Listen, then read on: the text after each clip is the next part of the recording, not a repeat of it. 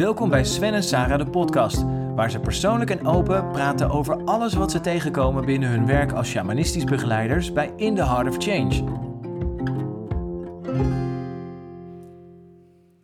Ja, weer een verrassingsonderwerp vandaag. Ik heb gewoon, ik, dacht, ik ga gewoon helemaal naar de kern van de kern van de kern van de kern.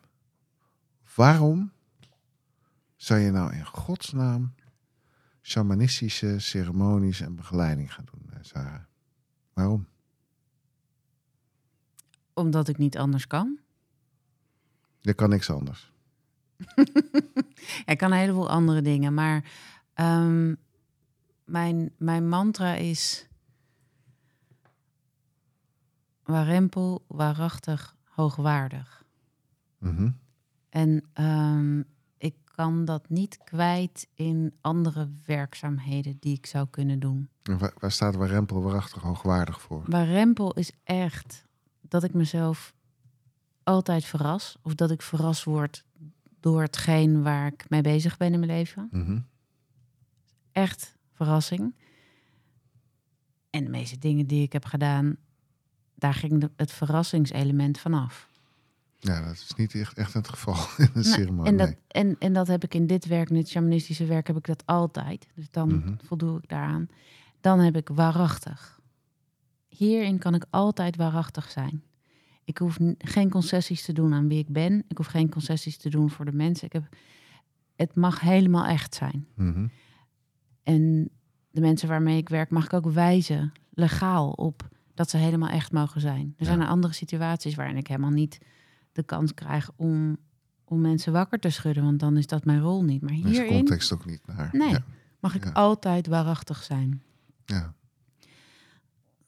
En hoogwaardig. Ja, als je collega's, paarden, planten, dromen, schaduw, diertotems, als dat je collega's zijn, dan is het werk gewoon hoogwaardig. ja. Dus altijd, wederom het woord concessie, geen enkele concessie aan wat ik doe. ja. Warempel waarachtig hoogwaardig. Ja, En, en voor wie doe je het?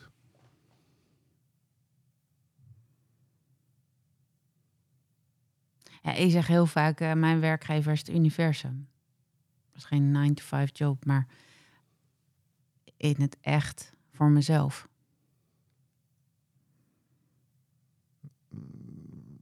Werkgever is het universum voor mezelf. Daar vind ik een hele universum tussen liggen, zeg maar. het hoeft niet, maar wat voor soort mensen kom je het liefst tegen in ceremonie? Gewoon even heel eerlijk. nou, dan werk? even één keer heel eerlijk. Eh, mensen die nieuwsgierig zijn, die lef hebben. ehm, en die die nieuwsgierigheid ook voortzetten na de ceremonie. Dus wat ik het fijnst vind als mensen de integratie serieus nemen. Dus als mensen komen voor een ervaring, dan kunnen ze ook gaan bungee jumpen. Mhm. Dan, dan heb je ook een ervaring en dan kan je ook steeds weer naar terug. Maar ceremonie kan ook zijn dat je dat één keer in je leven doet. En dat het gaat over de integratie, namelijk het integreren van alles wat je daar hebt opgehaald. En dat je dat in je leven integreert. Dat je waarempel, waarachtig, hoogwaardig in je leven brengt. En dat is voor iedereen iets anders. Dat is mijn mantra, maar dat je die echtheid ook meeneemt het leven in. Dat vind ik, die mensen ontmoet ik graag. Krijg jij voldoende terug wat mensen ermee doen in hun leven na ceremonie? Nou, het is grappig. Een ceremonie. Dus als mensen komen, soms komen ze echt met een, met een probleem of met iets wat, wat ze moeilijk vinden of zo. Maar als dat probleem is opgelost, hoor je er eigenlijk nooit meer wat over. Want dan zijn mensen zijn het heel snel kwijt. Dus Ja. we hadden iemand die had altijd migraines al, al tig jaar, 20 jaar, 30 jaar. En toen was ze in de ceremonie geweest. En toen een jaar later, toevallig, Ja. kwamen we haar tegen. En zei ze, oh ja, trouwens, ik heb nooit meer een migraine gehad. Ja, dat denk ik, wauw, dat vind ik best Ja. wel iets groots. Trouwens, ik heb niet meer die maagkrampen Ja. waar ik al, eh, waardoor ik niet meer naar mijn werk kon. Oh, ja. Dus, en het grappige is, dat kan je mensen ook niet kwalijk nemen, maar zo snel gaat dat dus. Als je ergens geen last meer van hebt, dan is het ook weg. Dan vergeet je het ook dankbaar voor te zijn. En dat, is- dat is goed. Maar de meeste mensen die je terug hoort, hoor je over, ik, ik heb een klacht of ik, of ik ben, eh, er is iets of ik, ik kom ergens niet uit. Die, mensen hoor je wel. En dat is ook terecht. Ja, mijn oudste zus is, is, is in, op een gegeven moment in de jeugd, zeg maar, een jaar lang uh, wegens zijn verlamming lag ze op, op, bed. En toen kwam er een soort van magische man, een magnetiseur. En die, en die ondanks alle behandelingen die ze gehad had, die, die zet haar, zeg maar, overeind. En ik, ik weet nog dat ik van school thuis kwam en dat mijn ouders zeiden, valt je iets op? Ja, nee.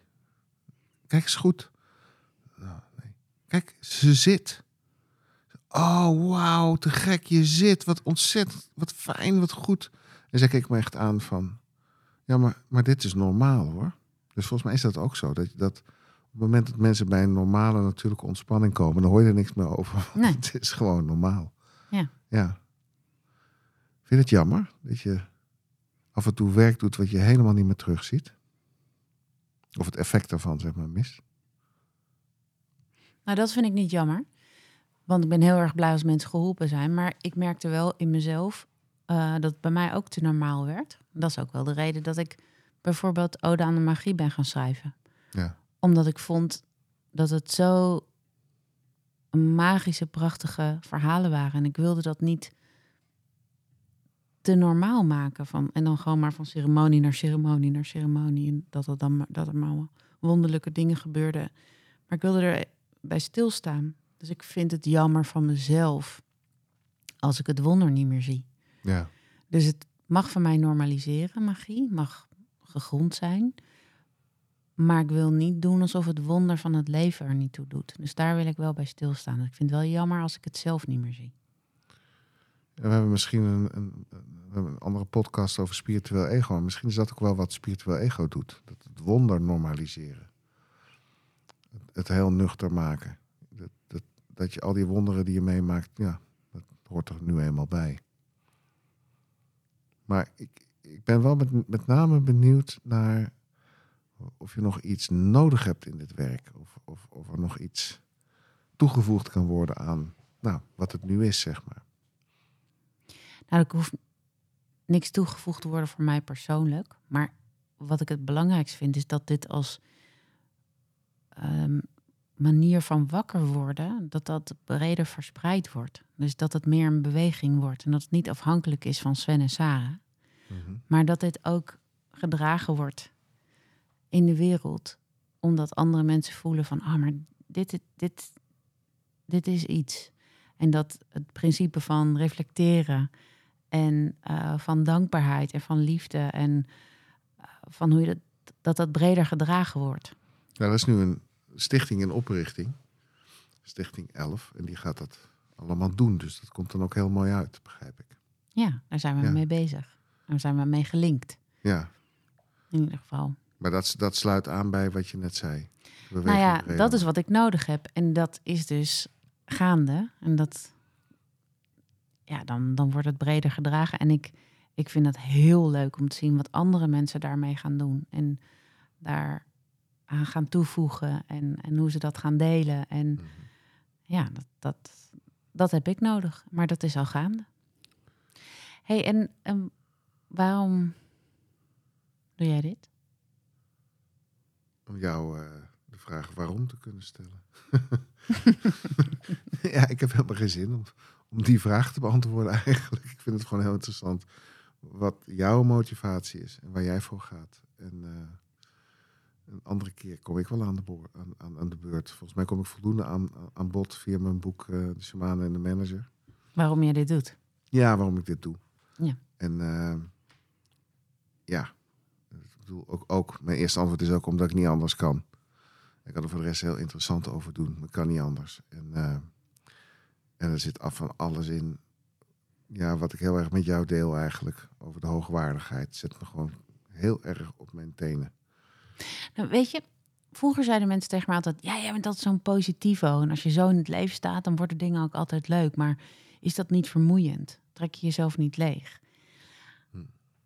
Ik trek mezelf niet leeg. Ik zou veel meer mensen willen meenemen in deze manier van kijken. Dat betekent niet dat je niet af en toe verdrietig bent. Of dat betekent niet dat je af en toe niet een keer down bent. Dat heb ik ook allemaal wel. Wat deze manier van kijken, heb je dan Nou, nog reflectie? Of- Over reflectie en over magie. Ja. Omdat er zijn heel veel dingen in het leven die kunnen gebeuren die misschien niet leuk zijn. En die hoeven we ook nooit goed te keuren. Ik bedoel, er kunnen vreselijke dingen gebeuren. Er is verlies en er is mishandeling en allemaal dat soort dingen. Maar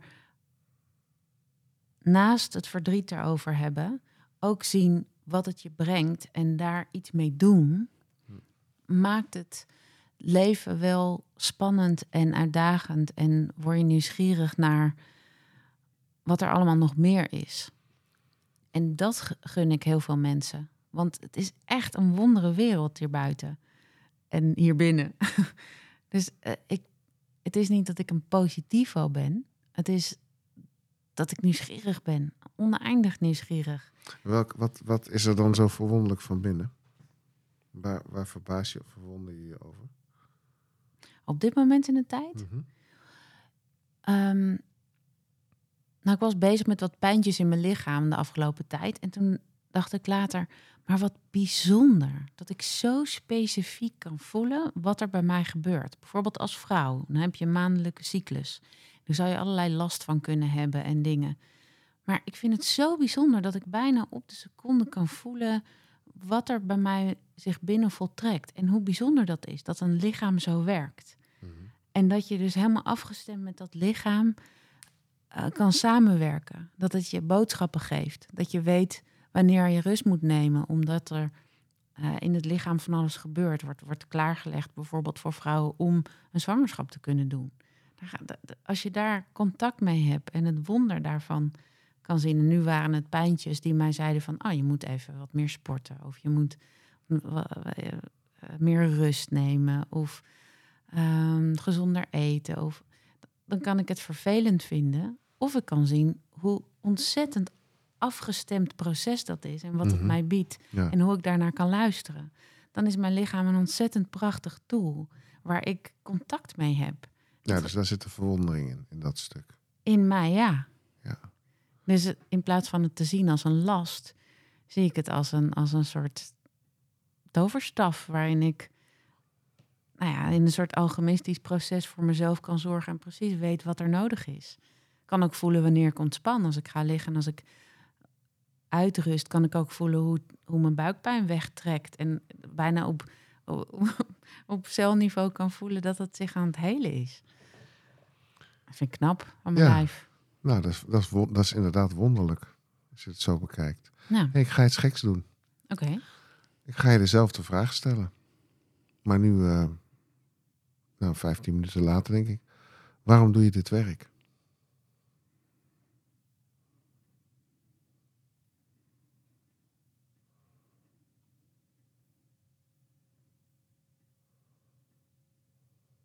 Ik kom alleen maar op het woord liefde.